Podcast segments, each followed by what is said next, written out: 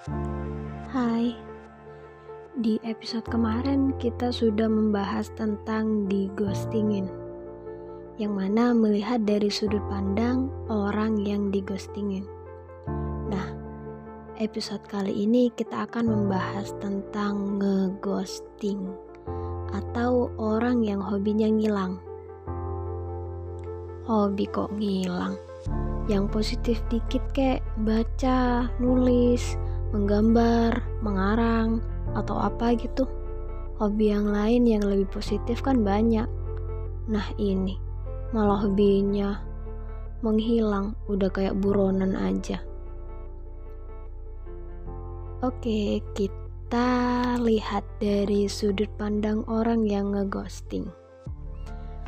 Apa sih maksud dan tujuan dari ngeghostingin orang itu? Hmm, bisa jadi nih ya, dia tuh iseng. Dia gabut aja.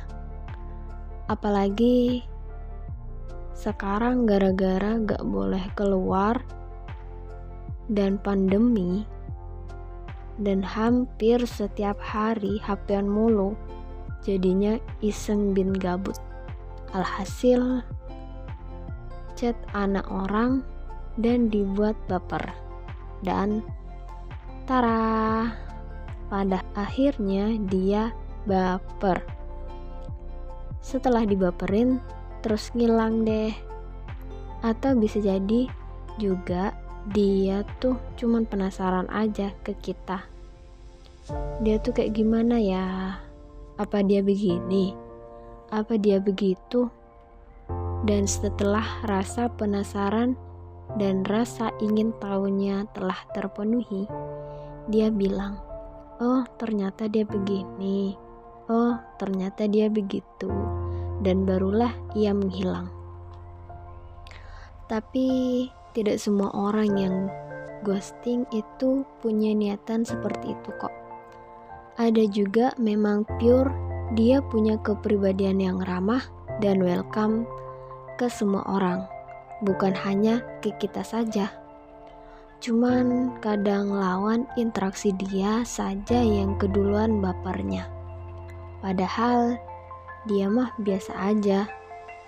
Biasanya sih kalau kayak gitu tipe-tipe cowok atau cewek ya friendly tadi. Karena mereka-mereka tuh pada dasarnya memang baik, lembut, perhatian, dan ramah hampir ke semua orang dan tidak ada niatan buat ngebaperin apalagi ngeghosting. Biasanya tuh dia berubah sikap ke kita karena dia tahu kalau lawan interaksi dia punya perasaan ke kita.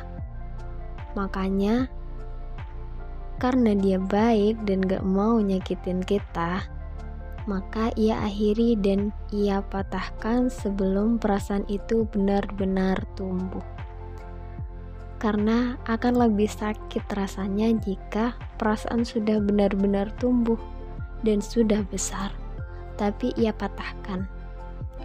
Lebih mending mana yo?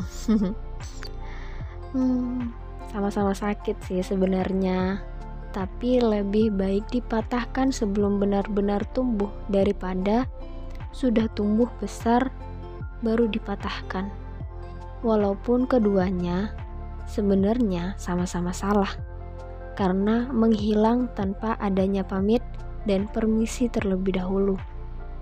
Jika memang ada penolakan di dalamnya, seharusnya dibicarakan baik-baik, bukan malah menghilang kayak hantu. Meskipun sekecil dan sehalus apa pun sebuah penolakan, pasti terselip rasa sakit di dalamnya untuk kasus-kasus yang kayak gini sebenarnya yang salah tuh bukan sepenuhnya salah yang ngeghosting tapi di sini juga yang paling berperan adalah ekspektasi kita yang terlalu berlebihan ke dia. Nah, eh, jadi mulai hari ini kita harus turunin ekspektasi kita atau jangan terlalu berlebihan ekspektasi kita terhadap orang lain. Oke.